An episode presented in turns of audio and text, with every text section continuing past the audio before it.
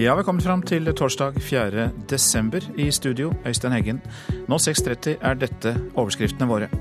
Protestmarkeringer i New York mot at det ikke blir tatt ut tiltale mot politiet etter at en mann døde under en pågripelse. Sverige er delt i synet på regjeringskrisen. Noen skylder på Sverigedemokraterna, andre på de etablerte partiene. Ordningen med grasrotmidler fra tippingen misbrukes. Lotteritilsynet må stenge stadig flere ute fra ordningen. Og stillingsannonsene er på vei ut. Bedriftene leter etter ansatte på nye måter. Vi lager stillingsutlysninger på nettet, og så bruker vi sosiale medier for å spre denne linken til nettsida vår. Catherine Carlisle driver catering i Tromsø. Sent i går kveld norsk tid kom beslutningen fra nok en storjury i USA om å droppe tiltale mot en hvit politimann som forårsaket at en svart mann døde. I dette tilfellet skjedde det i New York i juli, da politimannen brukte et nakkegrep som førte til at den ubevæpnede 43 år gamle Eric Gardner ble kvalt. Og USA-konsponent Gro Holm, du er i New York, og hva mer skjedde da politiet stoppet Garner? Ja, De la han i bakken, eh, presset hodet hans eh, mot bakken. Han sa elleve ganger ifølge et videoopptak som ble gjort at 'jeg får ikke puste'. Og så sluttet han å puste, og så ble han kjørt til sykehus og erklært død. Eh, det ble gjort et eh, videoopptak med en mobiltelefon av det som skjedde. Hva ble dokumentert der? Ja, Det var nettopp det at han ble lagt i bakken og at han sluttet å puste. At han sa fra om at han ikke fikk puste. Eh, og at politiet fortsatte å holde ham nede. og Det er jo dette videoopptaket som gjør at er så, folk er så forundret og, og sinte, særlig den afroamerikanske befolkningen er sinte for at storjuryen har bestemte seg for ikke å reise tiltale, når det faktisk er dokumentert at han døde som følge av skadene, at han var ubevæpnet og ikke eh, var aggressiv. Du er altså i New York. Hvilke reaksjoner på det som har skjedd, har du sett der? Ja, Demonstrasjonene er nå i ferd med å gå i oppløsning, men jeg står sammen med en av dem som har vært med hele dag. Han kaller seg Eh, RJ og er ikke afroamerikaner. Han er hvit, 26 år, skuespiller. Han har også vært med rundt og demonstrert. og Jeg skal spørre han nå eh, hvorfor de reagerer sånn på dette. Why do you react on, on the grand jury decision? Well, I mean, with Ferguson, there was some debate. With this, we can see clearly on the video, he's getting choked and he's and he says, "I can't breathe." continued to be choked, and he's left laying there. There's no, there's no question about what happened. Han sier at i Ferguson så kunne det være en liten tvil. Her var det ingen tvil, fordi videoen viser jo at han ble kvalt, eh, svarer RJ, som sier eh, også til meg at, at nå er demonstrasjonen i ferd med å gå i oppløsning. Eh, politiet har jaget faktisk sitt, og det, er, det har også vært mange små demonstrasjoner, og ikke én stor her i New York i kveld. Denne saken blir jo fulgt opp på føderalt nivå i USA. På hvilken måte? Ja, det, det, det riksadvokat Erik Holder sier, er at man skal etterforske om, om borgerrettighetene til, eh, til, Erik, eh, til denne drepte her i New York er, er brutt. Det samme eh, undersøker man jo også i eh, Ferguson. Eh, men det er mange her som sier at de tror neppe man kommer fram og får dømt ham på det grunnlaget når eh, to storjuer, en i Ferguson og en her, allerede har besluttet at ingen av dem skal tiltales. Takk for det i denne omgang, Gro Holm, som altså er i eh, New York. I den russiske republikken Tsjetsjenia er trolig minst ni mennesker drept i skyting i natt i hovedstaden Grosny.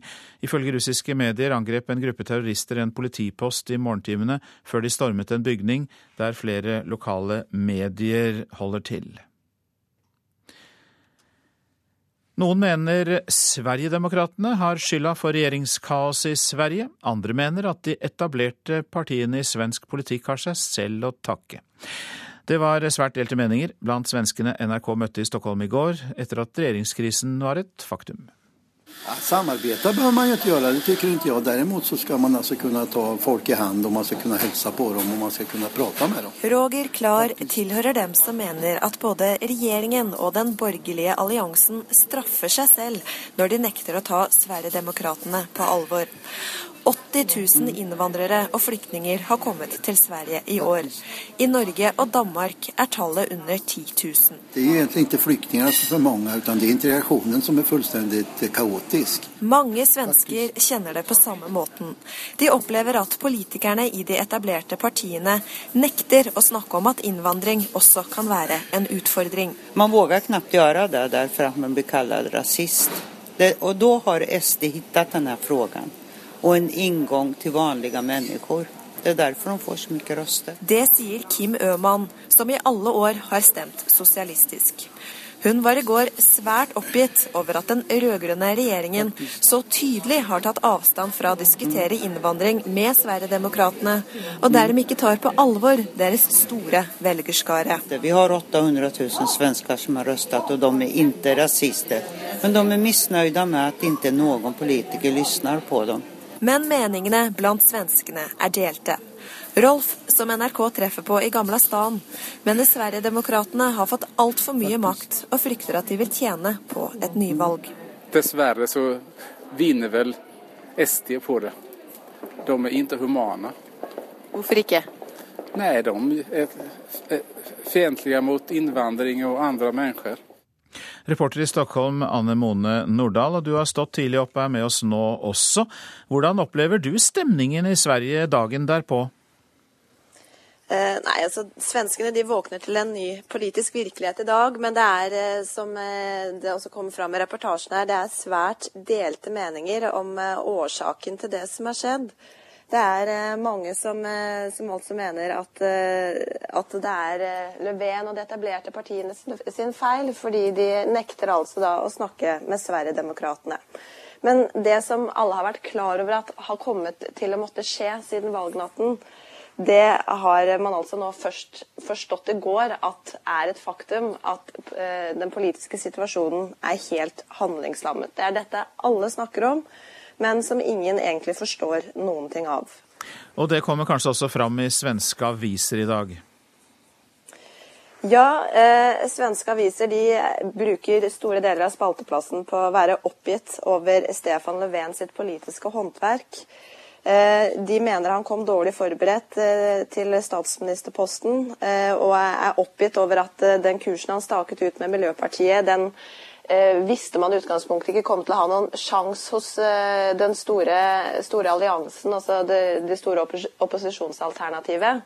Löfven har jo helt fra starten av snakket om at han ønsker blokkoverskridende samarbeid. Eh, med det regjeringsalternativet han la for dagen, så har det vært helt klart fra dag én at eh, det var uspiselig for, eh, for de borgerlige. Så mange mener at uh, han har seg selv å takke for den situasjonen som uh, har oppstått. Samtidig så brukes det også mye spaltemeter på uh, å klage på Sverigedemokraterna, som har vist seg som et uansvarlig parti. Det de har blitt kritisert for, nemlig at de er et ettsaksparti, det ble vist med all tydelighet i går. Noe som gjør at de avskriver Sverigedemokraterna i et nyvalg og mener at det nå bør kunne være muligheter for, eh, for å kunne få en, eh, et samarbeid mellom eh, den borgerlige alliansen og sosialdemokratene alene. Kritikk fra kommentatorer i avisene, men hvor tynnslitt er tilliten til partiene blant velgere flest, tror du?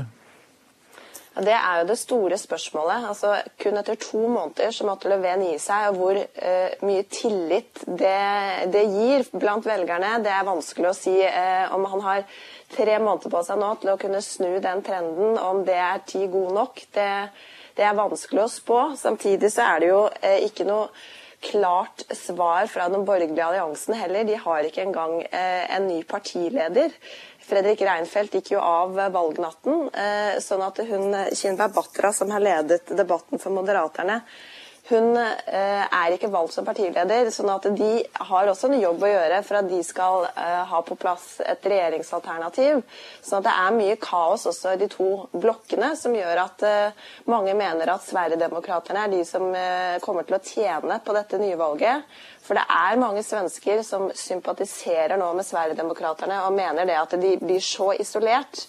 Det, altså de har blitt behandlet på en ufin måte det gjør at eh, de store blokkpartiene bare straffer seg selv ved ikke å snakke med dem, og at eh, de også da nekter å snakke om innvandring med Sverigedemokraterna, gjør at stadig flere kommer til å vende seg mot Sverigedemokraterna. Så på kort sikt så tror mange at dette vil gagne Sverigedemokraterna.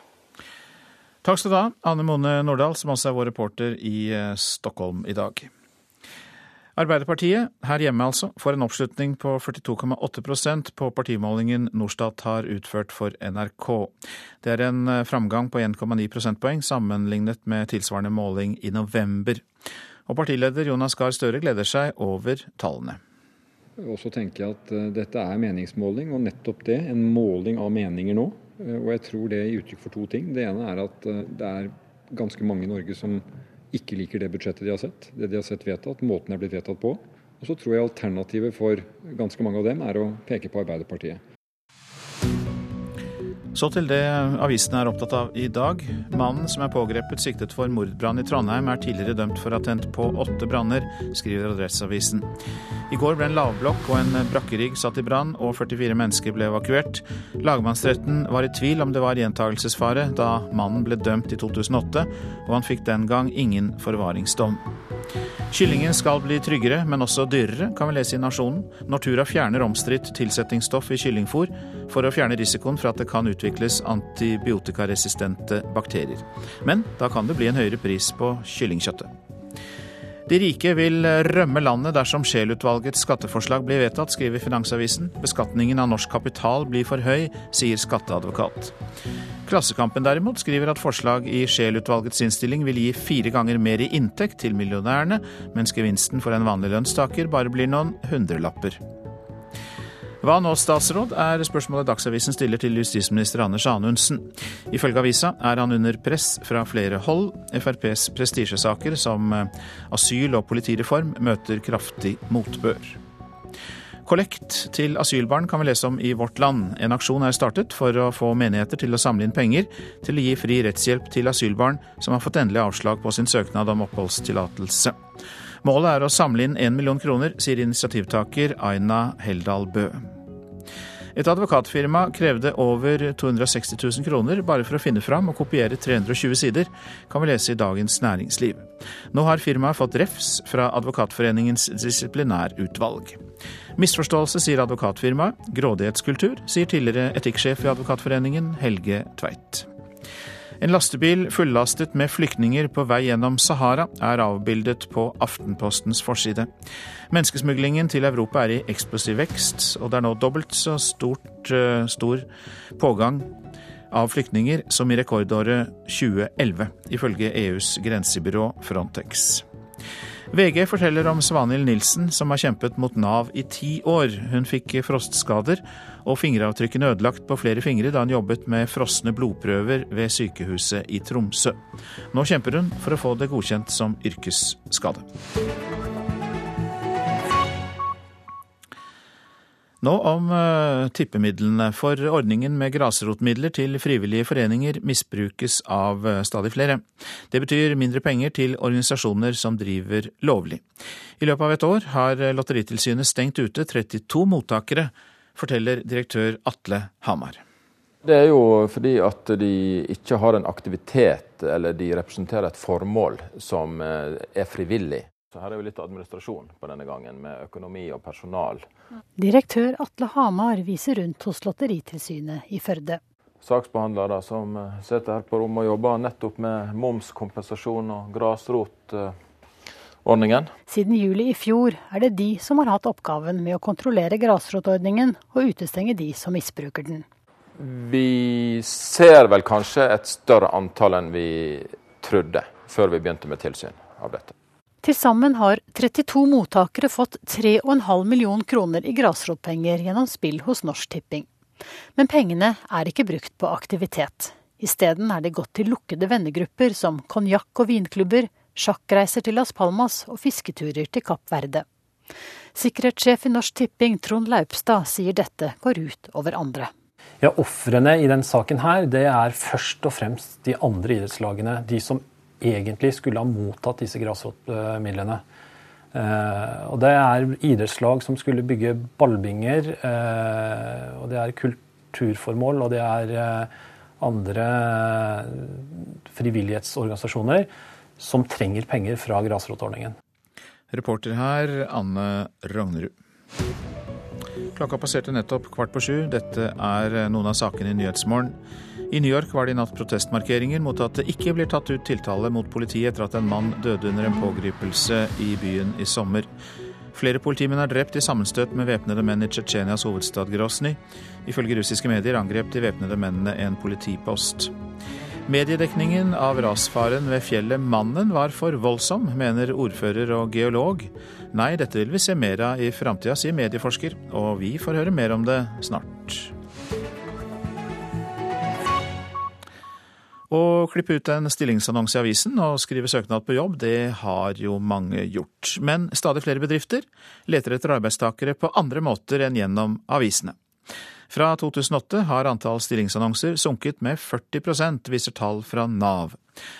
Men eh, noen, da, får seg fortsatt jobb på gamlemåten. Liker du dressen? Gabriella Ragne Berglund trives med å hjelpe kunder på Veromoda i Storgata i Tromsø. Jobben fant hun gjennom en avisannonse. Men på fem år fra 2008 til i fjor sank antallet ledige stillinger hos Nav fra nesten 360 000 stillinger til 214 000. Blant bedriftene som har valgt å slutte med annonsering gjennom Nav og aviser, er kjøkkensjefen i Tromsø. Cateringbedrifter lyste i begynnelsen ut stillinger gjennom aviser og Nav, men det ga for mye merarbeid, sier administrerende leder Katrin Carlisle. Og det vi opplevde da, sist vi brukte annons, avisannonse, var at vi fikk over 50 søkere, og bare to eller tre av dem var kvalifisert. Um, det, vi, det, vi, opplever, er at annonsen som settes inn i avisa, plukkes opp av Nav. Og også av andre utenlandske annonsetjenester og bemanningsbyrå. Sånn at vi får veldig, veldig mange henvendelser fra Eh, personer som ikke er kvalifisert. Mange bransjer ønsker å rekruttere arbeidskraft fra Europa, og for dem passer det fint at stillingsannonser spres til mange land. For årsaken til pågangen fra utenlandsk arbeidskraft er at stillingsannonser som kommer til Nav, også lyses ut i Europa gjennom EURES-samarbeidet. Men da kjøkkensjefen trengte kokker med fagbrev, valgte de i stedet å bruke nettverket sitt. Vi lager stillingsutlysninger på nettet, og så bruker vi sosiale medier for å spre denne linken til nettsida vår. Vi har kjempegod erfaring. Vi opplevde når vi brukte eh, Facebook sist, at veldig mange av våre eh, kunder og følgere delte annonsen vår og denne linken, og vi fikk umiddelbart henvendelser fra kvalifiserte personer.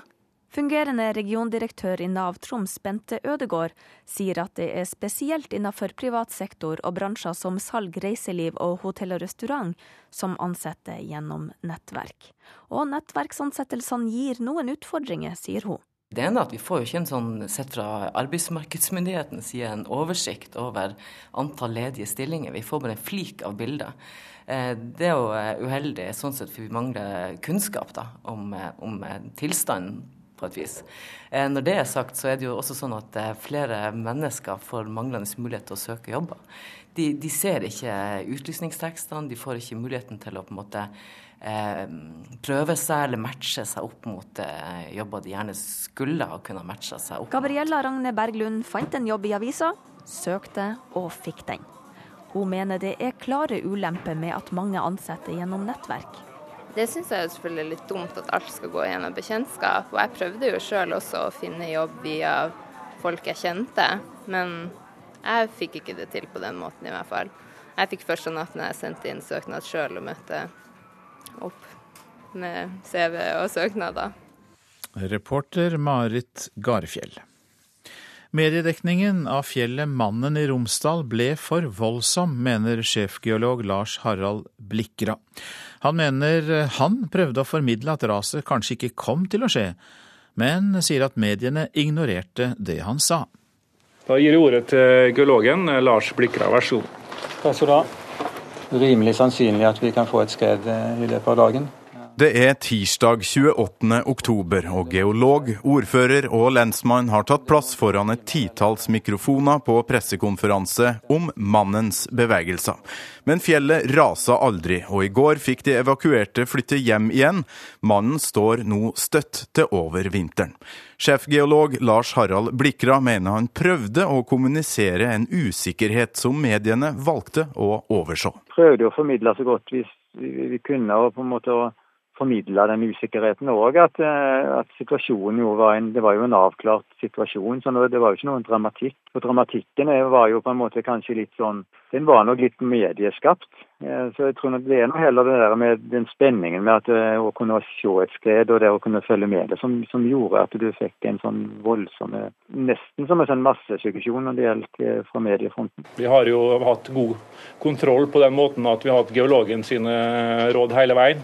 Ordfører i Rauma, Lars Olav Hustad, telte opp mot 50 journalister både fra Norge og utlandet på enkelte pressekonferanser om mannen.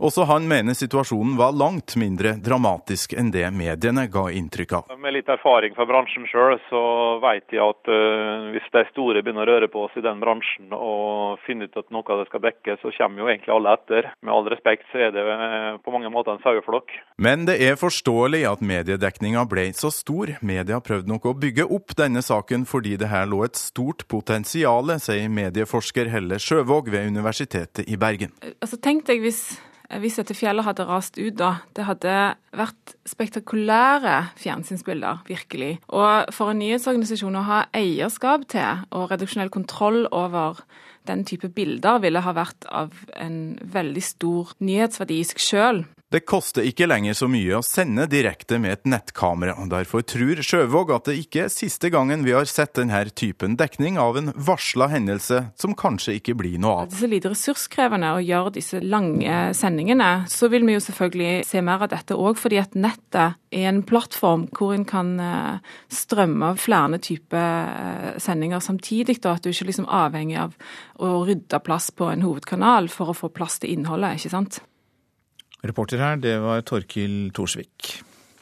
Sjefen for Bergen internasjonale filmfestival, Tor Fosse, har en tvilsom dobbeltrolle. Ja, det mener i hvert fall en av hans konkurrenter, som mener at Fosse har gitt sitt eget distribusjonsselskap de fleste førpremierene på årets festival. Det er helt klart at det er eh, sikkert på kanten. Det sier administrerende direktør Frida Orvik i Norsk Filmdistribusjon. Likevel kritiserer hun ikke Tor Fosses doble rolle som festivalsjef og konkurrerende filmdistributør. Fordi at Tor Fosse er en ildsjel som plukker opp filmer som de fleste av oss andre ikke tar sjansen på å distribuere på kino. Og ære være ham for det, for det er veldig mye bra film. Ikke alle filmene han har tilbudt til norske kinoer, har først fått plass på festivalprogrammet hans. Nei, langt fra det. Men når vi ber om lista, viser den at de siste ni åra har Tour de Force distribuert 70 filmer. 51 av dem ble vist på Biff-festivalen, altså 70% På årets Biff-festival var det festivalsjefen sitt eget selskap som var desidert mest profilert med førpremierer. Tour de Force hadde tolv førpremierer, medan tolv andre selskap bare hadde til sammen 23 førpremierer. Hva kommer først, da? Er det det at du skal selge filmen, eller er det det at de er kommet til Biff? Nei, altså Biff kommer i første rekke, det er jo helt klart. Det er jo det som er jobben min. Jeg har jo ingen lønn av distribusjonsselskapet i det hele tatt.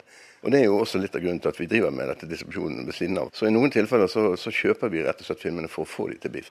Eieren av Biff er Bergen kino. Og kinodirektør Elisabeth Halvorsen er styreleder i Biff.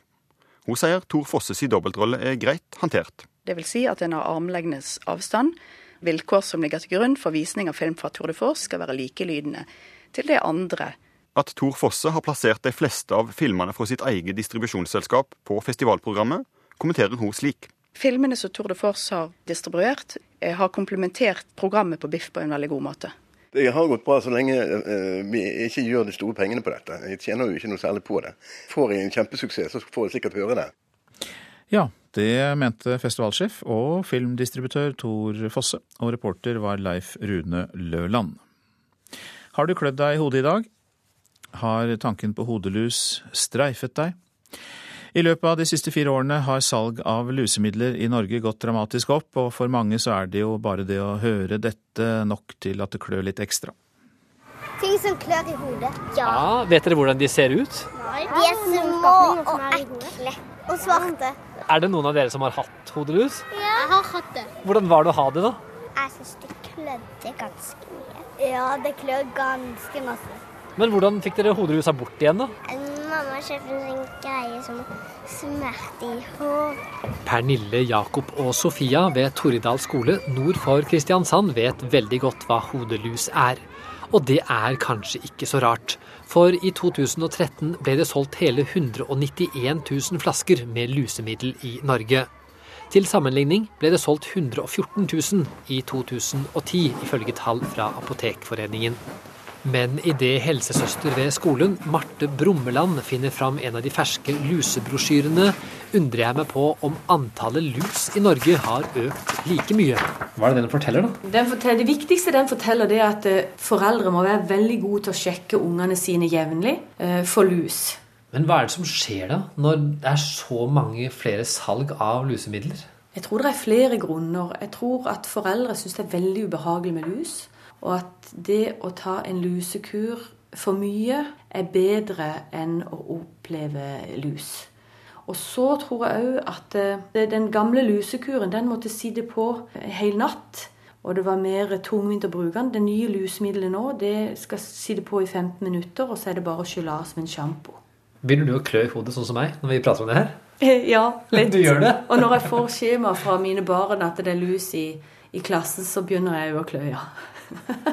Vel, det var jo flere gode forklaringer på hvorfor salget har økt av lusemiddel, men jeg lurer fortsatt på om bestanden av hodelus har økt.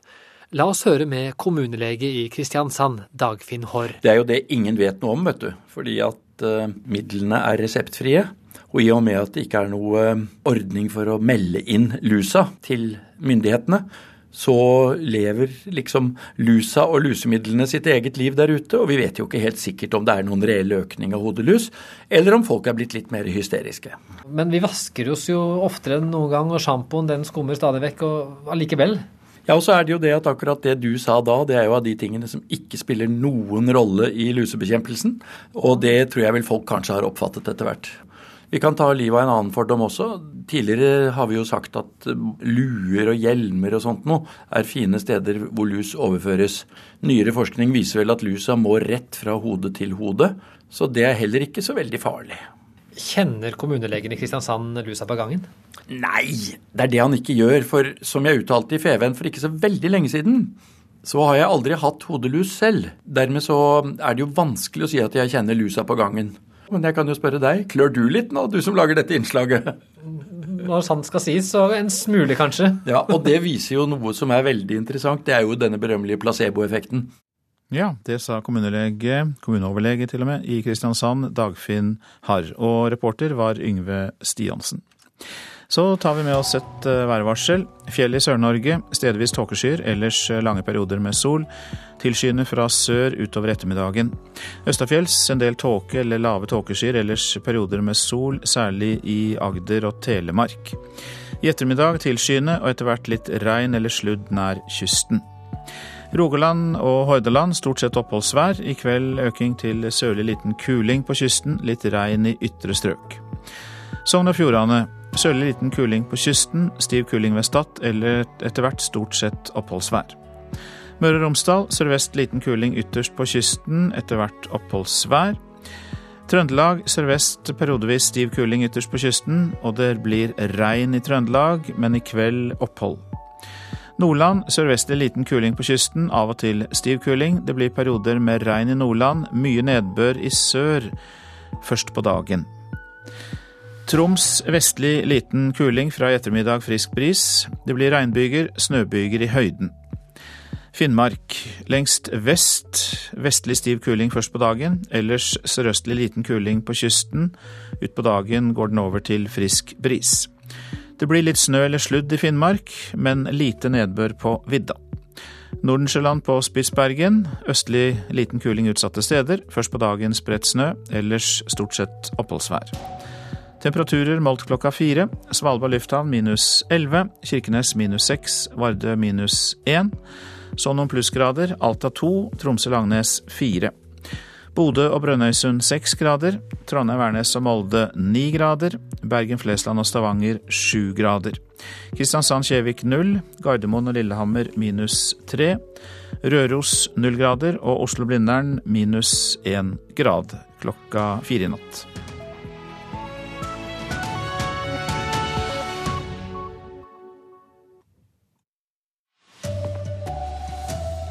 Ny rasisme, eh, nytt raseri mot rasisme i amerikansk politi i natt.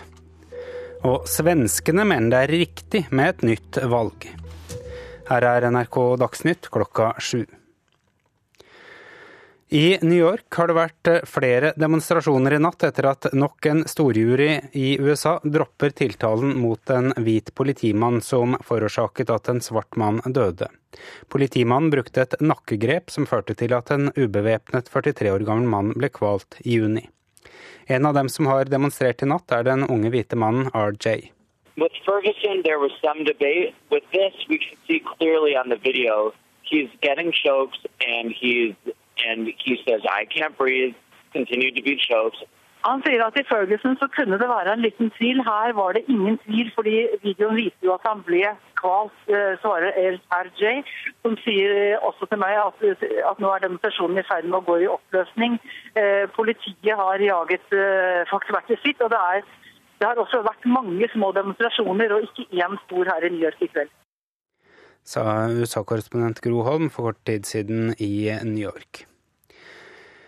Sju av ti svensker mener at det var riktig av statsminister Stefan Löfven å utlyse nyvalg i Sverige, ifølge en meningsmåling for avisa Ekspressen. På spørsmål om hvem de mener har skylda for budsjettkrisa, legger 48% hovedansvaret på Löfven, 47% mener Sverigedemokratenes leder Jimmy Åkesson har hovedansvaret. Sverige har tatt imot 80 000 flyktninger i år, mot under 10 000 i Danmark og Norge. Mange svensker synes integreringen går for dårlig, men at de etablerte partiene ikke vil snakke om at innvandring også er en utfordring. Man våger knapt gjøre det derfor at man blir kalt rasist. Det, og da har SD funnet denne spørsmålet og en inngang til vanlige mennesker. Det er derfor de får så mye røster. Det sier Kim Øman, som i alle år har stemt sosialistisk. Men meningene blant svenskene er delte. Rolf, som NRK treffer på i Gamla stan, mener Sverigedemokraterna har fått altfor mye makt, og frykter at de vil tjene på et nyvalg. Dessverre så vinner vel SD på det. De er ikke humane. De er fiendtlige mot innvandring og andre mennesker. Reporter i Sverige, Anne Mone Nordahl.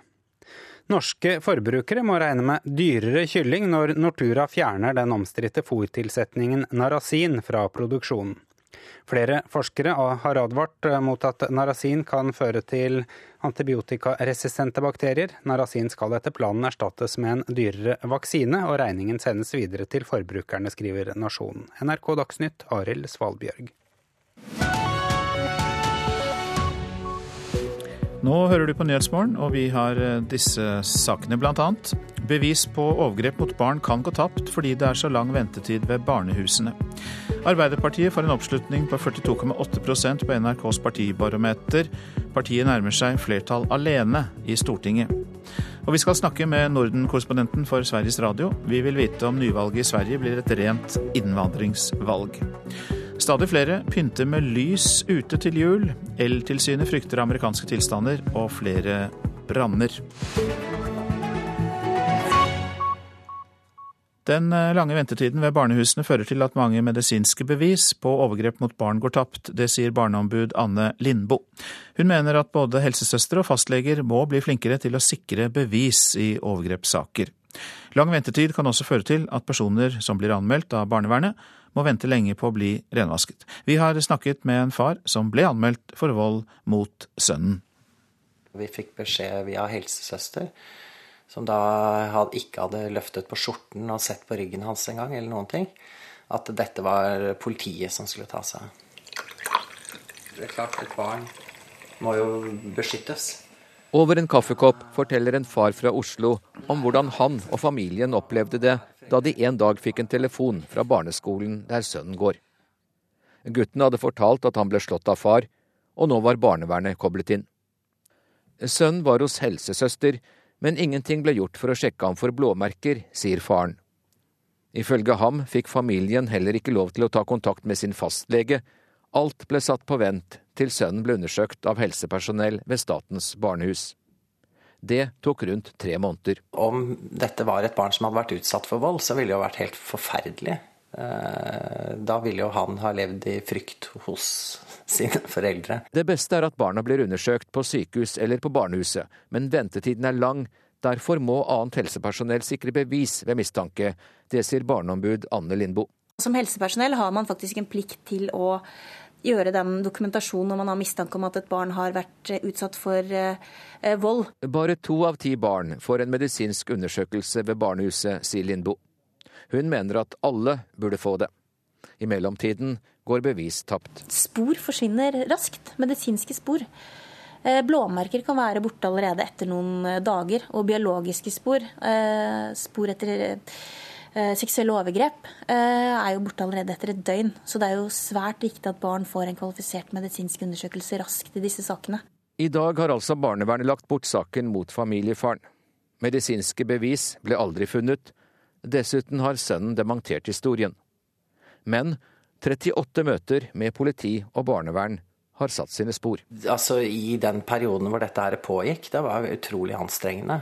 Eh, jeg følte at på skolen at jeg, folk var redde for å snakke med meg. Det var tydelig at informasjonen hadde lekket ut. Eh, så det var veldig tøft. Så jeg stålsatte meg. Jeg kom opp og leverte barna og hentet dem hver dag som jeg hadde pleiet. Og måtte bare stå i det, da. Resten av tiden gikk jo med til møter. Jeg hadde 38 møter med barnevern og politi i løpet av de tolv ukene. Så Hva har det gjort med deg? Jeg vet ikke. Jeg, jeg, har jo fått innsikt i, i, et system som er veldig skremmende, på en måte. Og jeg vil jo at barn skal beskyttes, bevares, men, men ja, det at det tok så lang tid å få verifisert påstanden om vold, det gjorde dette til en kjempebelastning, faktisk.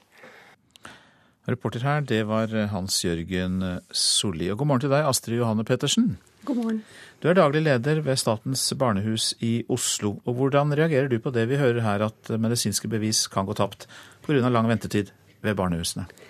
For det første så tenker vi jo at eh, det er helt uakseptabelt at det tar så lang tid, og det er en stor utfordring for oss.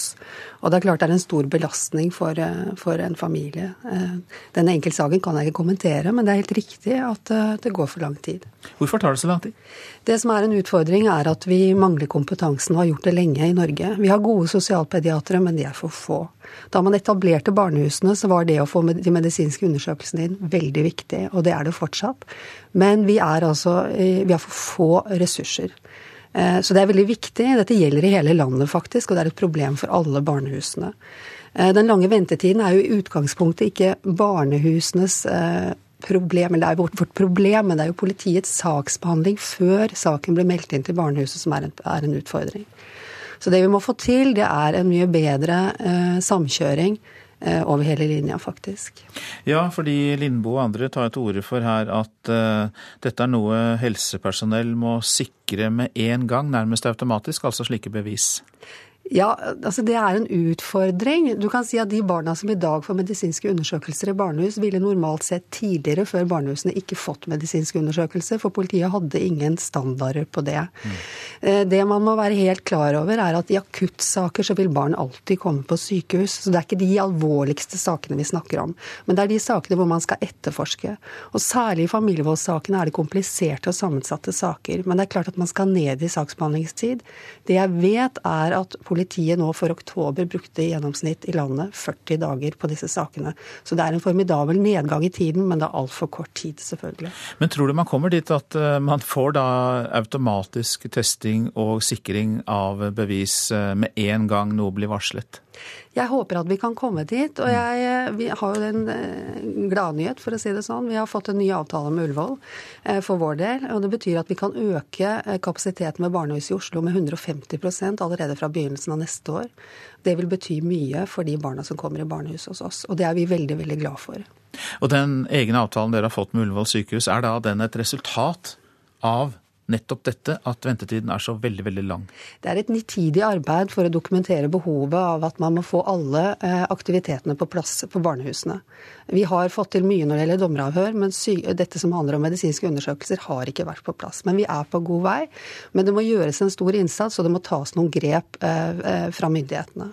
Mange takk. Astrid Johanne Pettersen, som altså er daglig leder ved Statens barnehus i Oslo. Norsk politikk nå. Arbeiderpartiet får en oppslutning på 42,8% på NRKs partibarometer for desember. Dersom målingen var valgresultat, ville partiet bare manglet fem mandater på å ha flertall alene i Stortinget. Det er jo veldig sterke tall for oss, og jeg må jo glede meg over det. For det er jo uttrykk for en tillit til Arbeiderpartiet. Jonas Gahr Støre er for tiden sjef for et parti i medvind. På desembermålingen fra Norstat er fremgangen på 1,9 prosentpoeng sammenlignet med tilsvarende måling i november. De ender altså på 42,8% Vi må helt tilbake til høsten 1998 for å finne høyere tall for Arbeiderpartiet på en enkeltmåling hos noe meningsmålingsbyrå, ifølge professor Bernt Årdal. Støre tror mange misliker regjeringens statsbudsjett. Det de har sett vedtatt, måten det er blitt vedtatt på, og så tror jeg alternativet for ganske mange av dem er å peke på Arbeiderpartiet.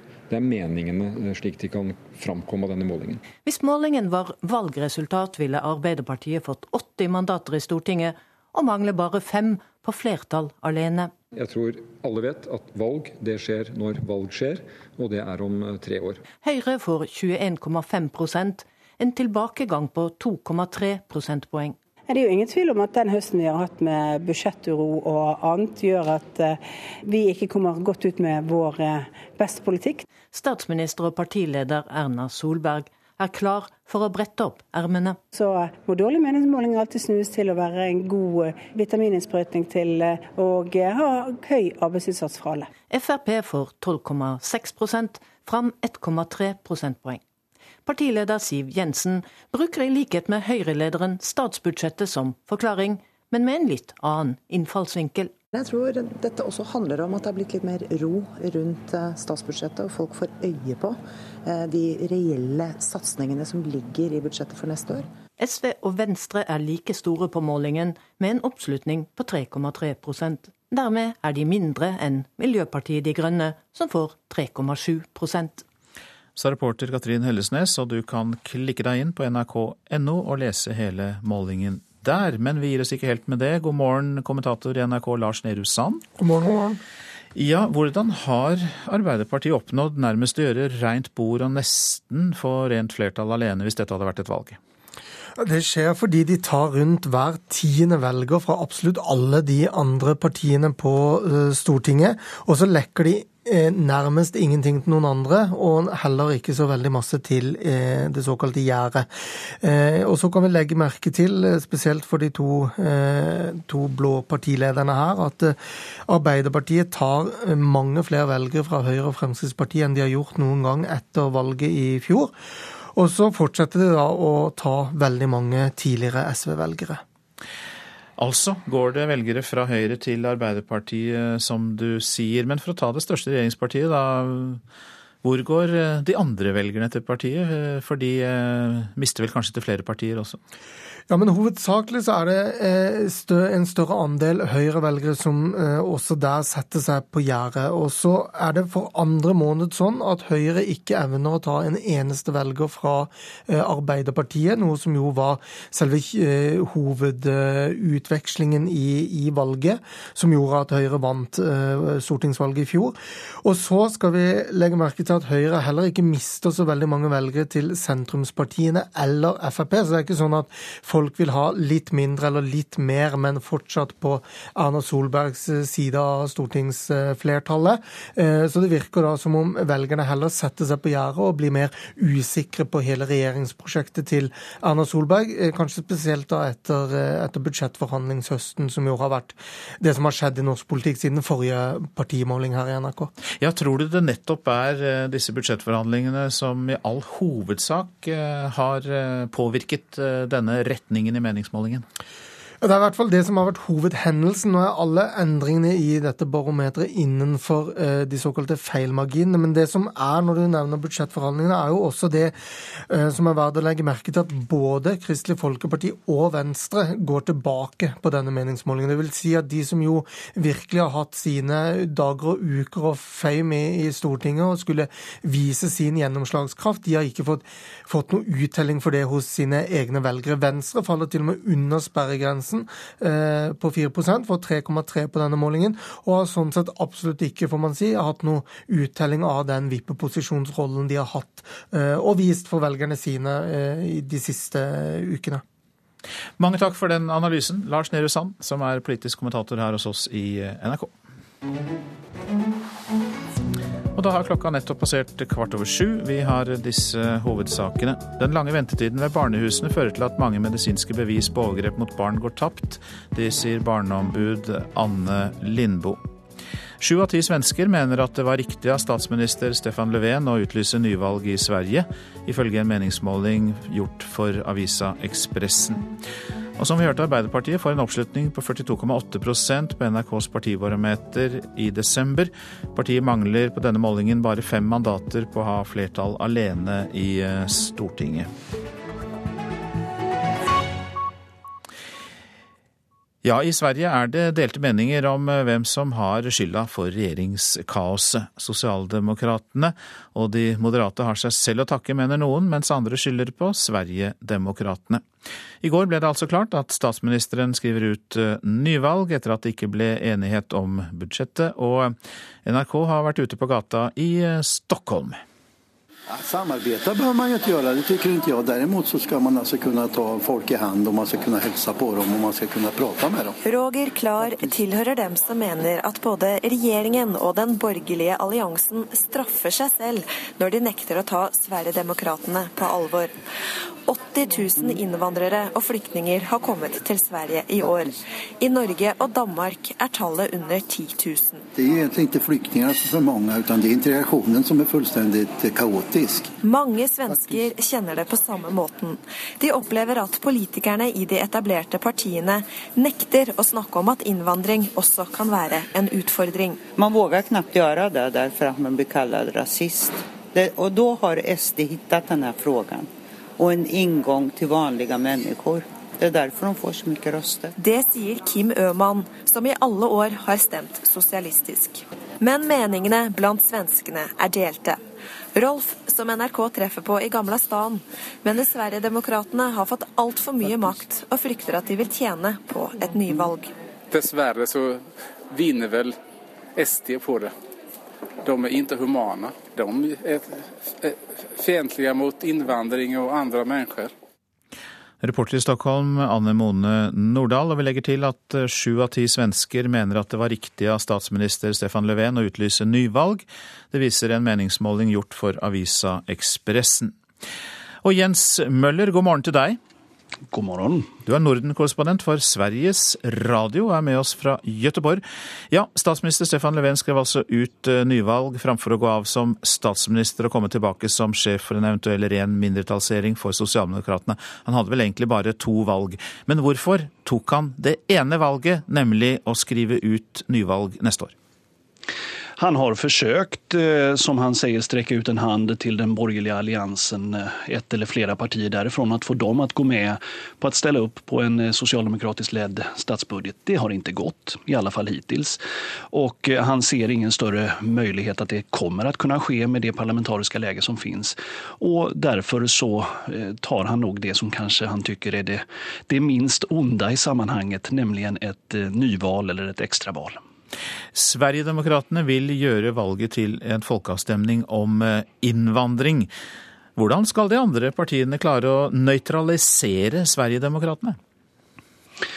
Ja, jag, jag, kan notera som, som läser medier runt om i Norden att eh, det är väldigt många som, som just slår an på detta och har tagit så att säga, Sverigedemokraternas eh, definition av vad det här valet faktiskt kommer handla om just som en, en eller förlåt, en folkavstämning om invandring. Eh, för de andra partierna så handlar det om att försöka återigen att eh, få lyfta andra frågor om, om vård, om skolan som är en väldigt stor fråga och så vidare. Eh, samtidigt finns det naturligtvis en stor risk för Sverigedemokraterna är det enda partiet i den svenska riksdagen som på allvar säger att det, vi har för mycket invandring till Sverige och åtminstone ska det inte bli mer. Medan alla andra sju partier som sitter där eh, i princip står för en, en liberal invandringspolitik. Och eh, det här kommer bli en väldigt svår nöt att knäcka. Eh, Sverigedemokraterna blev nästan fördubblade i det val som vi hade i september. Frågan är om de kommer gå fram ytterligare i det här extravalet den 22 mars. Men tror du at uh, partiene vil jo ikke snakke direkte med Sverigedemokraterna, men tror du likevel at de indirekte vil kunne få innflytelse ved at uh, den liberale innvandringspolitikken blir endret gradvis? Ja, alltså än så lenge finns det inga tecken på det. Men eh, man kan jo si at i börjar begynner valkampen valgkampen innenfor det val som blir om, om drygt tre månader.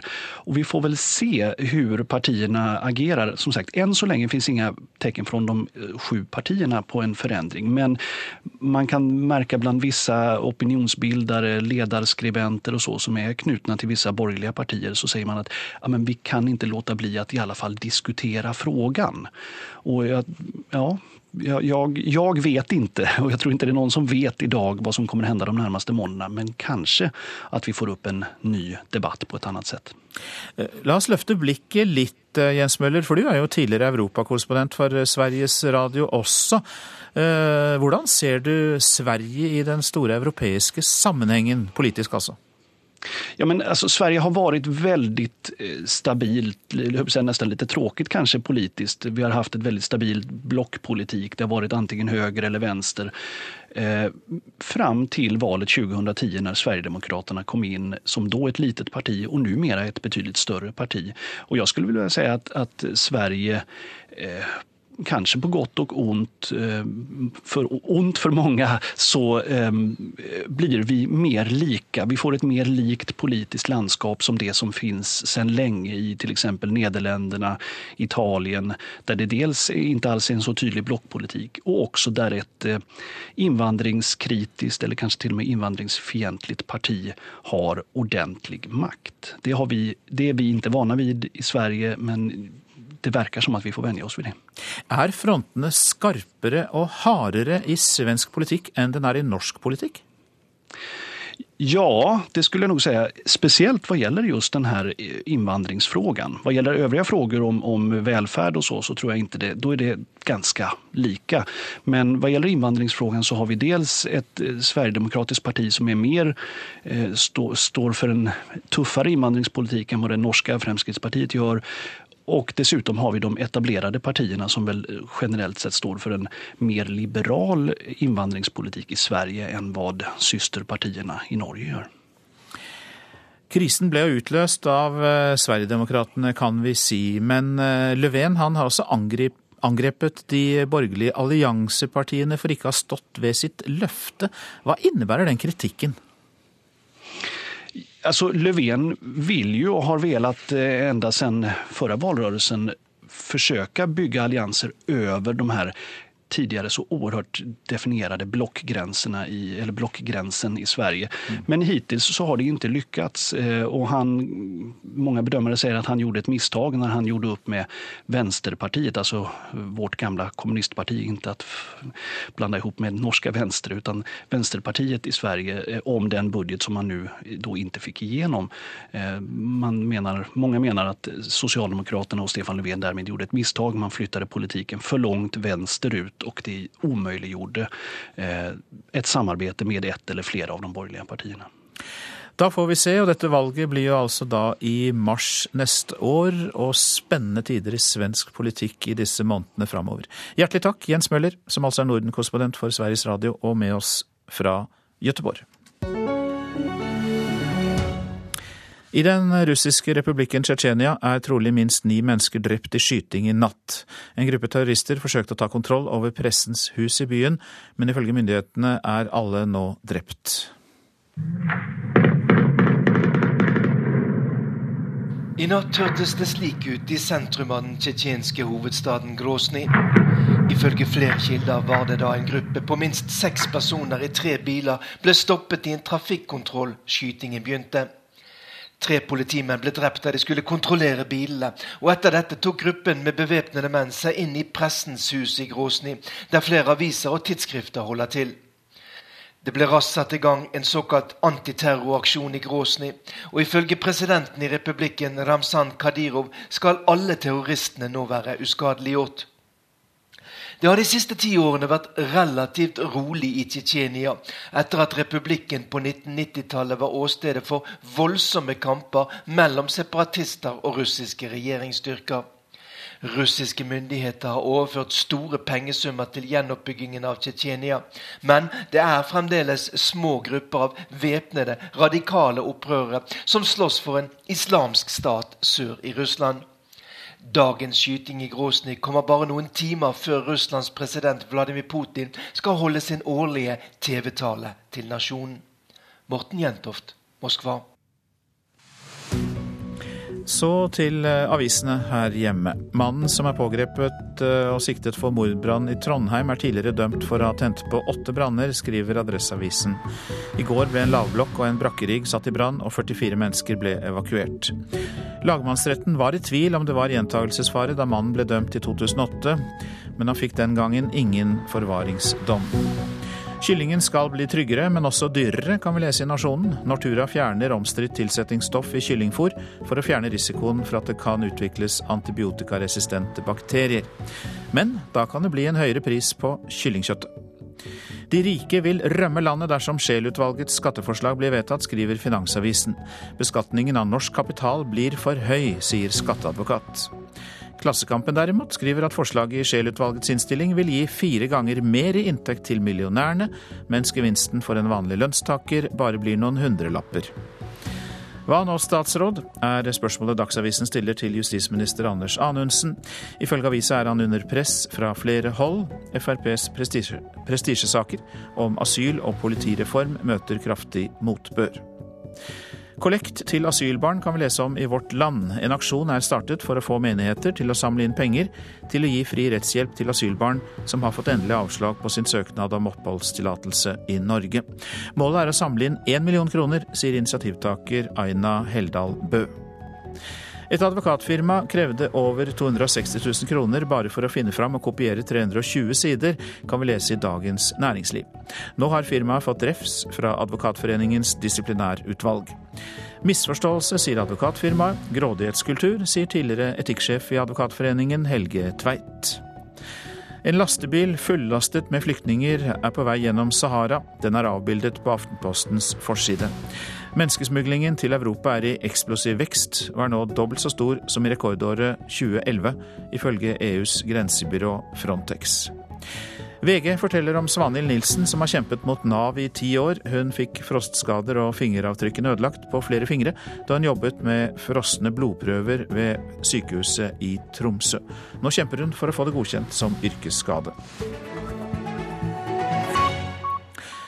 Så har jeg fått inn melding om at flytoget er innstilt mellom Oslo S og Gardermoen fordi det har vært en påkjørsel. Passasjerene blir fraktet med buss i stedet.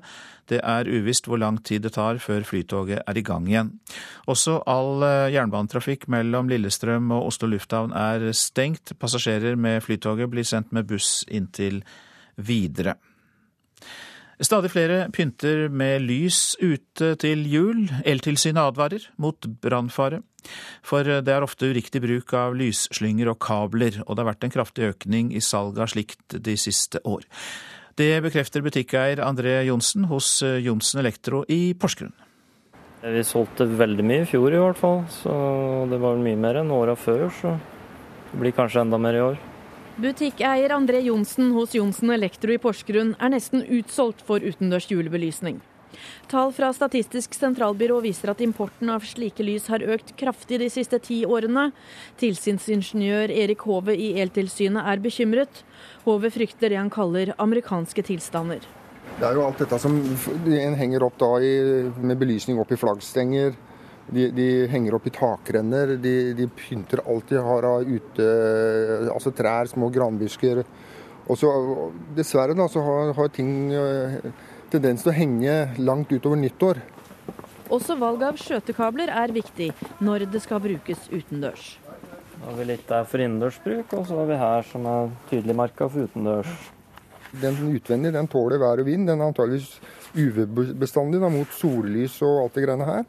Og, og, tåler å ligge ute.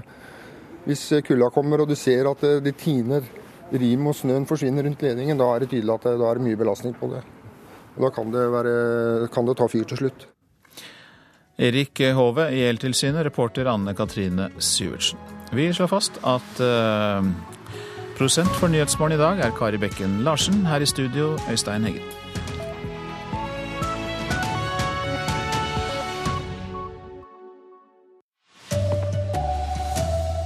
Uskyldige havner i politiets søkelys, og bevis for overgrep går tapt fordi barn blir for dårlig undersøkt.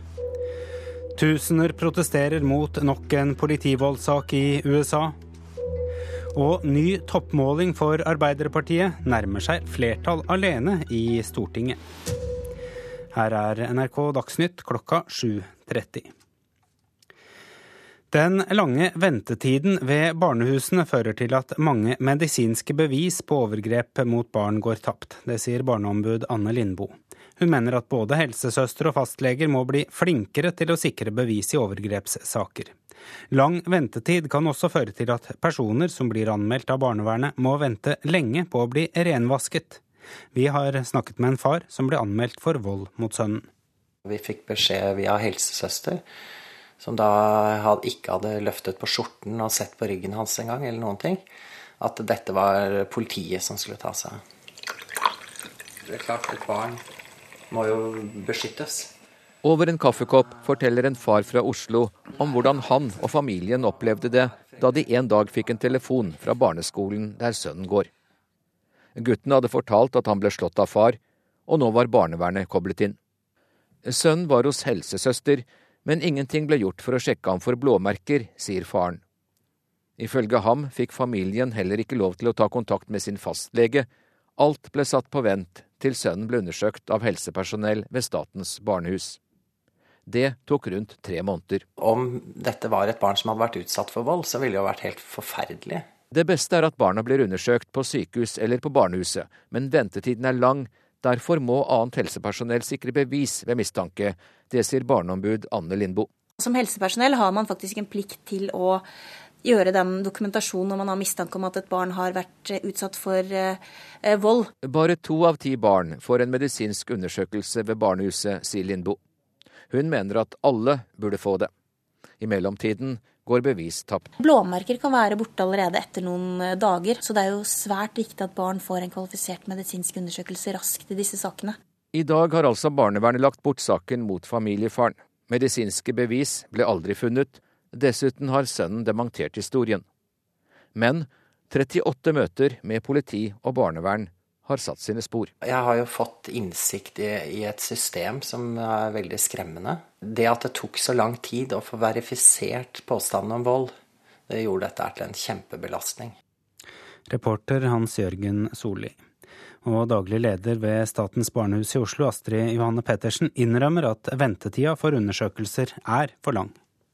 Det er helt uakseptabelt at det tar så lang tid, og det er en stor utfordring for oss. Og det er klart det er en stor belastning for, eh, for en familie. Eh, det som er en utfordring, er at vi mangler kompetansen og har gjort det lenge i Norge. Vi har gode sosialpediatere, men de er for få. Vi har fått til mye når det gjelder dommeravhør, men dette som handler om medisinske undersøkelser, har ikke vært på plass. Men vi er på god vei. Men det må gjøres en stor innsats, og det må tas noen grep eh, fra myndighetene. Flere tusen mennesker demonstrerte i natt i New York etter at en storjury besluttet ikke å tiltale en hvit politimann som forårsaket at en svart mann døde under en pågripelse. Politimannen brukte nakkegrep på seksbarnsfaren Eric Garner. Rasende demonstranter roper ut det som var Erik Garners siste ord. Flere tusen mennesker demonstrerte i natt i New Yorks gater etter storjuryens beslutning om å ikke tiltale politimannen som brukte det dødelige nakkegrepet. Arrestasjonen av Garner i juli ble filmet av en forbipasserende. Opptaket viser hvordan den hvite politimannen tok nakkegrep bakfra på 43-åringen, noe som er ulovlig i henhold til New York-politiets vedtekter. Likevel har nå altså en storjury valgt å ikke tiltale politimannen. Garners mor er opprørt. Jeg vet ikke hvilken video de har sett på, sier Gwen Garner. Det kan ikke ha vært den samme som resten av verden har sett. Amerikanske myndigheter varsler nå at de vil gjennomføre en føderal etterforskning av saken. Sa reporter Peter Auli Hauge. Og USA-korrespondent Gro Holm, du er i New York eh, og har vært ute i gatene i natt. Er byen preget av disse demonstrasjonene? Ja, Nå er denne byen her veldig mye større enn Ferguson, som jeg var i forrige uke. og eh, Demonstrasjonene da jeg kom sent på kvelden, hadde seg opp i mindre grupper. Eh, og, og de, de, så å si vandret rundt fra kvartal til kvartal med politiet delvis etter seg, og eh, politiet forsøkte å spre dem. Men jeg traff en, eh, en, demonstrant som hadde vært med hele dagen, og han sa at eh, mange nå hadde gått hjem, men de skal møtes igjen i morgen klokken eh, halv seks lokaltid, halv tolv tolv eh, i morgen kveld norsk tid. Dette er bare den siste i en lang rekke av slike saker i USA. Hvorfor dukker det opp slike saker så ofte? Ja, Det er det mange som spør seg her også. Jeg har ikke noe godt svar. fordi vanligvis når en storjury skal vurderes om det skal reises tiltale, så ender det med at nettopp det skjer, at det reises tiltale. Men ikke altså når det involverer politimenn, og særlig ikke hvite politimenn som har eh, muligens da forbrutt seg mot eh, svarte amerikanere. Og Det frustrerer jo veldig mange. Obama også sa i går kveld at det er et problem når man i dette landet, mange i dette landet føler at det ikke er likhet for loven for dem. Takk skal du ha, USA-korrespondent Groholm direkte med oss fra New York. Arbeiderpartiet får en oppslutning på 42,8% på NRKs partibarometer for desember. Dersom målingen var valgresultat, ville partiet bare manglet fem mandater på å ha flertall alene i Stortinget. Jeg må jo glede meg over det, for det er jo uttrykk for en tillit til Arbeiderpartiet. Jonas Gahr Støre er for tiden sjef for et parti i medvind. På desembermålingen fra Norstat er fremgangen på 1,9 prosentpoeng sammenlignet med tilsvarende måling i november. De ender altså på 42,8% Vi må helt tilbake til høsten 1998 for å finne høyere tall for Arbeiderpartiet på en enkeltmåling hos noe meningsmålingsbyrå, ifølge professor Bernt Årdal. Støre tror mange misliker regjeringens statsbudsjett. Det de har sett vedtatt, måten det er blitt vedtatt på. Og så tror jeg alternativet for ganske mange av dem er å peke på Arbeiderpartiet. Høyre får 21,5% en tilbakegang på 2,3 prosentpoeng. Statsminister og partileder Erna Solberg er klar for å brette opp ermene.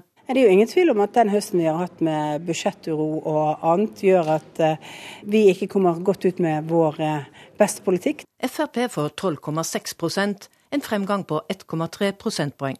Men tallene viser også at Frp lekker usedvanlig mange velgere til Arbeiderpartiet. Det betyr at vi kan lekke de tilbake igjen, og det bør nok Arbeiderpartiet være mer bekymret for sa Siv Jensen til slutt. Reporter Katrin Hellesnes. Og hele denne partimålingen kan du lese på nrk.no. I Sverige er det delte meninger om hvem som har skylda for regjeringskaoset. Sosialdemokratene og de moderate har seg selv å takke, mener noen.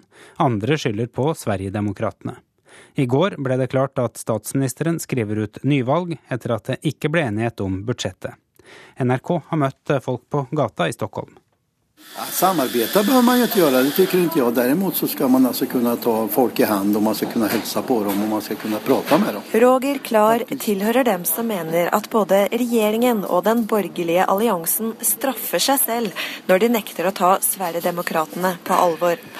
80 000 innvandrere og flyktninger har kommet til Sverige i år. I Norge og Danmark er tallet under 10 000. Det er egentlig ikke flyktninger som er mange, men det er integrasjonen som er fullstendig kaotisk. Mange svensker kjenner det på samme måten. De opplever at politikerne i de etablerte partiene nekter å snakke om at innvandring også kan være en utfordring. Man våger knapt gjøre det, derfor at man blir kalt rasist. Det, og da har SD funnet denne spørsmålet og en inngang til vanlige mennesker. Det er derfor de får så mye røster. Det sier Kim Øman, som i alle år har stemt sosialistisk. Men meningene blant svenskene er delte. Rolf, som NRK treffer på i Gamla stan, mener Sverigedemokraterna har fått altfor mye makt, og frykter at de vil tjene på et nyvalg. Dessverre så vinner vel SD på det. De er ikke humane. De er fiendtlige mot innvandring og andre mennesker. Og sju av ti svensker, eh, svensker mener det var riktig av statsminister Stefan Löfven å utlyse nyvalg. Det viser en meningsmåling i avisa Ekspressen. Reporter i Stockholm, Anne Mone Nordahl. Flytoget er innstilt mellom Lillestrøm og Gardermoen etter en påkjørsel i nærheten av flyplassen. Passasjerene fraktes med buss i stedet, og folk må regne med ekstra reisetid. Det er uvisst når togtrafikken er i gang igjen. Ansvarlig for denne sendingen Anne Skårseth, teknisk ansvarlig Lars Tronsmoen, her i studio Arild Svalbjørg.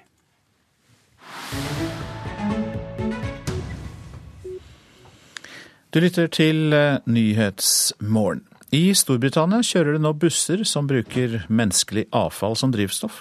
Denne uken samles politikere fra hele verden i Lima for å bli enige om hvordan vi kan kutte klimagassutslippene. Og for å redusere bruk av olje, gass og bensin, så har en bedrift i England introdusert busser som kjører på avføring. En buss dekorert med bilder av mennesker som sitter på do, kjører fra den engelske byen Bath. Og bussen den kjører på metangass fra avfall og kloakk. Det årlige avfallet fra fem mennesker er nok til å fylle én tank. Og på det kan bussen kjøre 300 km. Og det er selvsagt en fornybar ressurs, sier Colin Field fra busselskapet i Bath. All the time there are people on the planet producing waste, the biomethane will be produced. So it's carbon neutral. Så lenge det er mennesker på jorda, så vil de produsere avfall. Og det avfallet vil produsere metangass. Dermed er gassen uendelig fornybar, sier Colin Field. Og det er fornybar energi verden trenger nå. Um, the fact that oil prices are so unpredictable is exactly one of the main reasons why we must move toward renewable energy, which has a completely predictable cost of zero med fornybar energi er en mindre avhengig av oljemarkedet, der prisene er svært ustabile, sa klimasjefen i FN, Christiana Figueres, da hun åpna klimatoppmøtet i Lima på mandag. I to uker skal de diskutere hvordan de kan nå målet om å kutte ut all fossil energi innen år 2100. Og de fleste av de kutta må en ta i de nærmeste åra. Lederen for klimamøtet i Lima mener at det krever en endring av hele tankegangen vår. We want to have all the pieces together to understand that we are changing. The world is changing the paradigm. Vi må samle sammen alle delene for å forstå at vi endrer synet på verden. Vi endrer utviklinga fordi vi må ha ei bærekraftig utvikling som det eneste alternativet, sa Manuel Polgar Vidal i sin åpningstale. Han er miljøvernminister i Peru og leder for klimamøtet. I noen år trodde en at biodrivstoff skulle bli redninga for å redusere utslippene fra biler og busser, men etter hvert så en at biodrivstoffene førte med seg flere store problem. Matjord ble nytta til å produsere soya og mais til bioetanol, slik at prisene for mat gikk opp og fattige svalt. Og det økte avskoginga av regnskog, fordi det ble nødsynt med mer dyrka mark. Dermed må en se etter flere og andre kilder til fornybar energi, slik som t.d. metangass fra avfall og kloakk. Mohammed Sadiq fra selskapet som produserer gassen, tror at en kan spare store utslipp med slike busser. Uh,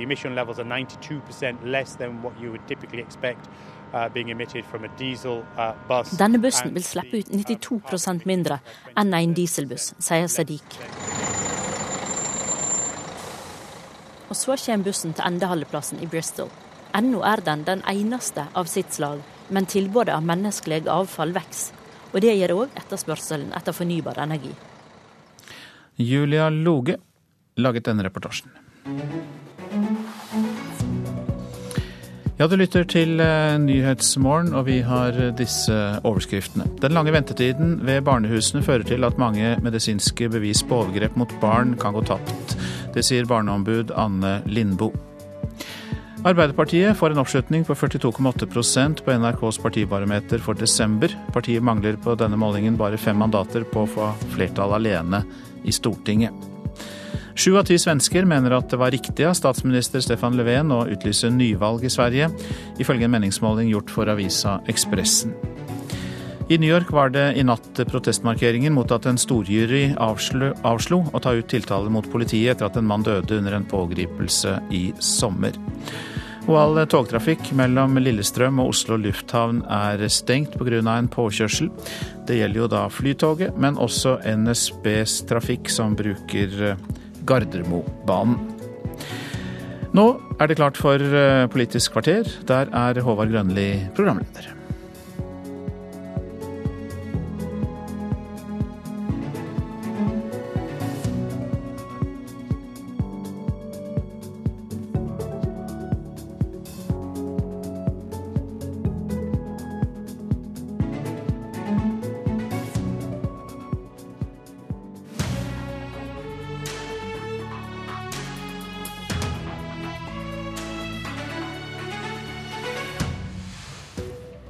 Frp mener kommuner som fortsatt vil være små, må regne med å miste oppgaver. Det er å gradere stemmeretten, svarer Arbeiderpartiet. Et parti som for øvrig har så gode tall på NRKs måling at smilet nesten går helt rundt på nestleder Helga Pedersen. Men det skal vi komme tilbake til. Først skal vi debattere kommunereformen. For eh, framtidas Kommune-Norge er i støpeskjea nå, etter at ekspertutvalget kom med sine tilrådinger denne veka.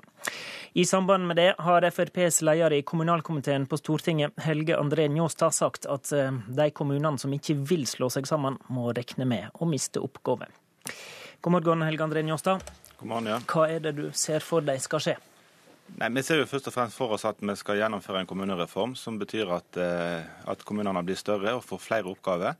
Eh, men så har vi en forskjellig geografi i Norge som vil gjøre at noen fremdeles vil være små. Eh, og De kan ikke forvente å få de nye oppgavene og få like mange oppgaver som de som er store. Hva slags oppgaver skal de miste, da? Nei, Det er klart at det finnes oppgaver som er spesialiserte innenfor både PPT, ruspsykiatri, barnevern, som trenger et stort fagmiljø for å gi innbyggerne gode tjenester. Og Velger man å være liten, så er det klart at man kan ikke ha samme ansvar som de kommunene som er, som er store. Da må man få de tjenestene hos en nabokommune, sånn at Eh, at innbyggerne blir ivaretatt, og at innbyggerne har et fagmiljø og ikke bare en fagperson å forholde seg til. Men når du sier dette, er det en trussel som du håper da vil føre til at flere slår seg sammen, eller er det et reelt forslag til en framtidig løsning der det er forskjell på hva ulike kommuner tilbyr? Nei, Det er jo viktig å tenke nytt når det gjelder kommuneinndeling òg. Og ekspertutvalget gir oss jo en mulighet til å tenke nytt, eh, nemlig med å gi de største kommunene enda flere oppgaver. Eh, ekspertutvalget foreslår jo 15 000 som en minimumsstørrelse. Da har vi sagt at det er uaktuelt pga. Norges geografi. Eh, men de som velger å være mindre, må være innstilt på at de kan ikke få de nye oppgavene som de andre kommunene eh, skal få. Med, med andre ord, det er en grei, varig løsning, tenker du? At ja, jeg tenker det, det, det, det, er greit å differensiere litt, litt, mer. I dag er det jo allerede differensiert at, at Oslo har flere oppgaver enn alle andre. Men at vi kan differensiere enda mer, er naturlig. Hvorfor skal vi ta utgangspunkt i at Utsira har 200 innbyggere, og de skal ha samme oppgave som Bergen med 260 000. Det virker jo litt meningsløst, måten vi har organisert eh, oppgavefordelingen på i dag. At vi tar hensyn til de små, eh, og at de store ikke får store oppgaver fordi at man har så mange små. Helga Pedersen, eh, i nestleder i samme komité for Arbeiderpartiet. Alle kommuner klarer ikke alt, det ser vi allerede. Er det på tide å lage et mer slikt formelt skille, som Njåstad sier? Eh, vi mener det er behov for å gjøre endringer i kommunestrukturen, men vi er uenig i denne måten å gjøre det på. For eh, jeg er veldig bekymra over det bildet som ekspertutvalget og Helge Njåstad nå eh, tegner, der man kan risikere å sitte igjen med et Kommune-Norge der du har små kommuner med få oppgaver, der du har mellomstore kommuner med en annen oppgaveportefølje, og der, opp, der byer med over 100 000 innbyggere igjen har ansvar for andre ting. Det tror jeg blir veldig uoversiktlig for folk flest, for næringsliv, for statlige etater og andre organisasjoner som skal operere sammen med kommunene og forholde seg til, rett og slett. Og Det vil jo også bety at en stemme avgitt i en hjemme i min kommune med 3000 innbyggere f.eks. Eh, vil, vil ha innflytelse over helt andre ting enn en Sør-Varanger kommune, et par kommuner bortafor som har 10 000 innbyggere. Det er vel et demokratisk problem Njåstad, med din modell? Nei, over, overhodet ikke. Eh, poeng, poenget her er jo å gjøre det enklere for folk. Eh, I dag er det jo sånn eh, at det er komplisert for næringslivet. For de vet ikke er det fylkeskommunen som har ansvar for oppgaver, er det fylkesmannen som overstyrer her, eller er det kommunen som har ansvaret. Vi vil at store kommuner skal ha ansvar for mer helhetlig løp, kan kunne planlegge helhetlig. Og da er det klart at demokratiet i de kommunene blir jo mye bedre fordi at de stemmer på et kommunestyre som har ansvaret for, for langt mer oppgaver enn det som er i dag. Men hvis jeg bor i denne småkommunen, da, så stemmer jeg jo ikke over kvaliteten på PPT-tjenesten som du peket på? Nei, jo, man stemmer, man stemmer, jo på et kommunestyre som er ansvarlig for å samarbeide med noen andre som har ansvar for det. sånn at Man, man står jo der, fremdeles til ansvar for, eh, for, innbyggerne sine, men man kan ikke lenger forvente å løse oppgaver sjøl fordi man har for lite fagmiljø. Eh, og Innbyggerne tror jeg ikke er opptatt av eh, hvem som utfører oppgavene. Jeg tror de er opptatt av at oppgavene blir utført skikkelig. Og Vårt fokus er på at tjenestene skal være så gode som mulig. De som har behov innenfor barnevern, har behov innenfor rus og psykiatri, er jo ikke opptatt av at kommunestyret har ansvaret for det hvis kommunestyret er for lite. Da har de mer eh, interesse av at oppgavene blir løst skikkelig med et skikkelig fagmiljø i et større miljø. Eh, og så er jo ikke svaret dette. Dette er unntaksløsningen. Svaret er jo at eh, kommunereformen må føre til en ny kommunestruktur som gjør at flere kommuner blir større, sånn at de kan ta et større ansvar. Ja. Altså Hvis folk i dag har problemer med å skille mellom fylkesmann og fylkeskommune, så tror jeg jo definitivt ikke man skal gå på denne type løsning når man henvender seg til en kommune omtrent uten å ane hva den kommunen har ansvaret for. Og så vil jeg jo grunnleggende si at målet med å gjøre endringer i kommunestrukturen må jo være at vi bedrer de grunnleggende velferdstjenestene. Skole, helse, barnehage, eldreomsorg. Og at, man, at kommunene rustes opp til å løse framtidas samfunnsutfordringer. men, men ikke... Pedersen, hvis vi ikke går den veien som Njåstad peker på, da må du jo tviholde på at alle skal gjøre eh, alt. Da, og da, da må du jo ha en omfattende sammenslåingsreform hvis alle skal klare alt. Vi mener at vi skal holde på generalistkommuneprinsippet. Og da kreves det store kommuner, sa ekspertutvalget? Det kreves i hvert fall å se samfunnsutfordringer over større områder enn i dag. Det sier ekspertutvalget. Og da har man jo to muligheter. Det ene er at kommuner slår seg sammen der forholdene tilsier det. Det er vi positive til, men vi mener at det skal basere seg på lokale prosesser og frivillighet. Og den andre måten å løse det på er jo med, å, eh, med interkommunale løsninger, som jo eh, har demokratiske eh, svakheter. Det tror jeg alle er enige om, men som samtidig viser seg å fungere veldig godt til beste for innbyggerne mange steder eh, i landet.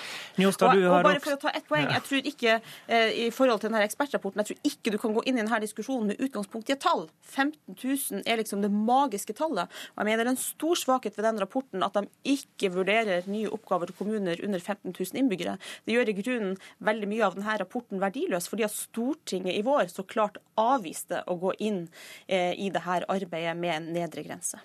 Vi skal gå til et litt annet poeng. Njåstad, du har også vært ute med en prøveballong i Bergens Tidende, der du ønsker at flere byer skal bli byfylke, sånn som Oslo er i dag, eh, f.eks. Bergen og Stavanger. Hvorfor vil du ha det slik?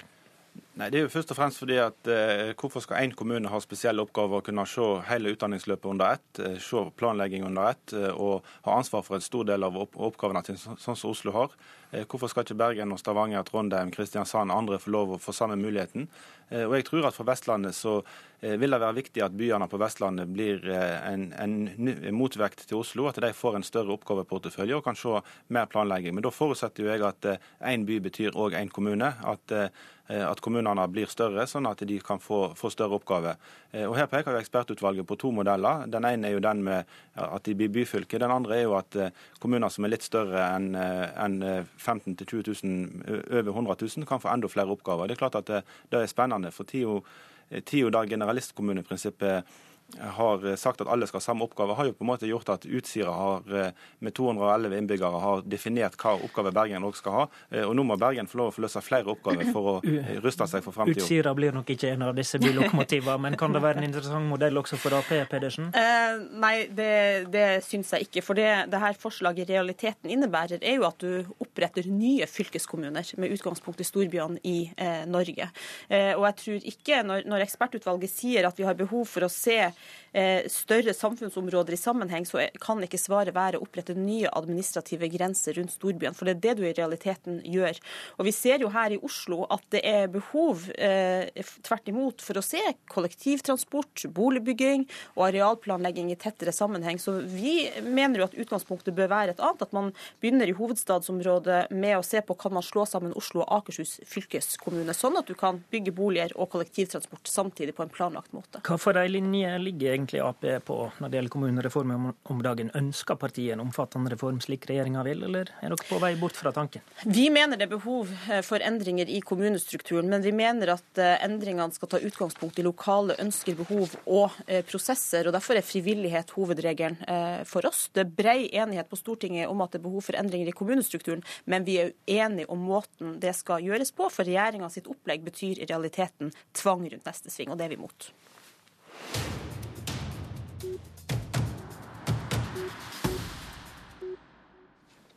Helga Pedersen blir sittende, for i NRKs eh, partibarometer for desember så får Arbeiderpartiet, som vi har hørt, hele 42,8% oppslutnad.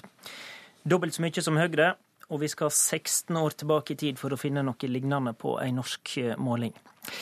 Helga Pedersen, tror du på at 43% av velgermassa egentlig støtter politikken deres? Eh, vel, for, for, det første vil jeg si at det er veldig eh, hyggelig med de målingene eh, vi ser nå. Og jeg tror jo det handler eh, om at eh, folk reagerer på det budsjettet som ble lagt frem av regjeringa i høst, og at hovedgrepene i det budsjettet fortsatt ligger fast etter budsjettavtalen som ble inngått med KrF og Venstre. Og da ser man til oss som et alternativ. Da er dere først og fremst blitt ei havn der de misfornøyde søker ly, da? Eh, nei, jeg, jeg, tror nok det er litt eh, mer sammensatt enn som så. Jeg tenker at det handler om at folk ser til Arbeiderpartiet som et uh, troverdig alternativ til dem som sitter og styrer landet nå. Dere henter 75 000 Frp-velgere. Hva er de forklaring på det?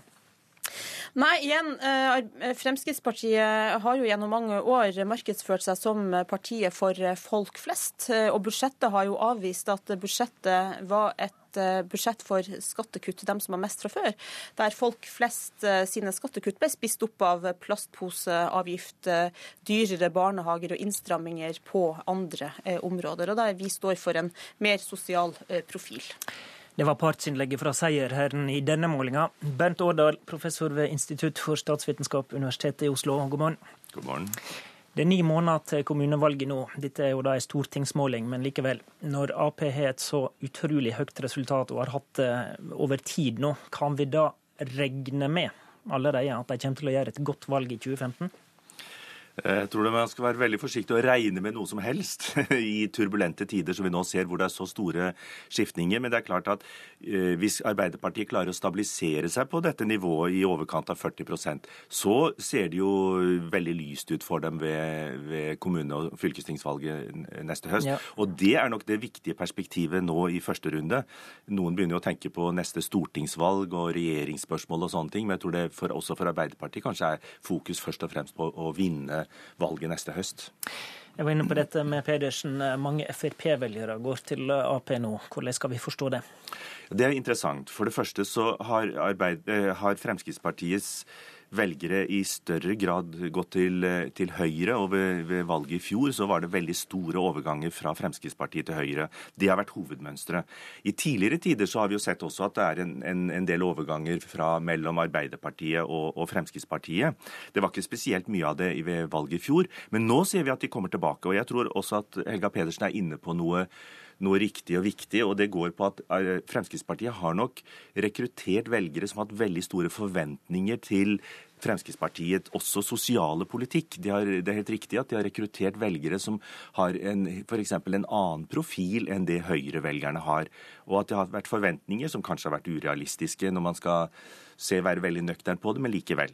Eh, så det er nok en, en, si, en misnøyesreaksjon. Samtidig så sier Siv Jensen i innslaget vi sendte tidligere i Nyhetsmorgen, at dette er velgere som lett kan eh, lekke tilbake, som hun uttrykte det. Så Arbeiderpartiet skal passe seg. Har Siv Jensen rett i det? Ja, det tror jeg. fordi Vi ser jo også det at mønsteret for Arbeiderpartiet er at de som du nevnte, de trekker velgere, får velgere fra nesten alle andre partier. Men den største gruppen de får velgere fra, er jo tidligere hjemmesittere. Og det vet vi er en veldig ustabil og upålitelig gruppe når det gjelder om de faktisk kommer til å stemme. Så, så det er klart at løpet er ikke kjørt. og Vi har også sett det tidligere siden valget i fjor, at f.eks. Fremskrittspartiet har hatt nedgangsperioder, og så har de kommet seg opp igjen. Så, så det har nok vært en, en mer enn umiddelbar reaksjon på, på budsjettet. Uh, mer enn at vi kan si at nå ser vi et fundamentalt skifte. Så er småpartiene og SV veldig svekka. Uh, gjør det verdien av dette resultatet litt mindre verdt for Ap? Særlig hvis vi, begynner, hvis vi tenker fremover til neste stortingsvalg og vi begynner å snakke om regjeringskonstellasjoner, så er det klart at partier som, som f.eks. SV ligger an til å få ett mandat, eh, Venstre ligger an til å få bare noen få mandater osv. Slik at det, dette her vil nok kunne ha betydning for hvilken koalisjonspartner, eventuelt Arbeiderpartiet, kan tenke seg ved neste korsvei, eventuelt om man samarbeidsmønstre. Eh, man har nå snakket om at Arbeiderpartiet begynner å nærme seg rent flertall alene. De har bare fem mandater, men det, det er fortsatt en vei å gå. Vi får følge med. Takk til deg, Bent Årdal. I vårt regjeringskriseråka naboland er siste nytt at Moderaterna trolig kommer til å presentere sin nye statsministerkandidat etter Fredrik Reinfeldt i morgen. Statsminister Stefan Löfven får passet sitt på, skriver kommentatorene i avisen i dag. Uhederlig er en karakteristikk. Nyvalg er russisk rulett er en annen. NRKs reporter i Stockholm, Jarle Roheim Haakonsen, er med i Nyhetsmorgen om en halv time. Følg med der. Det var Politisk.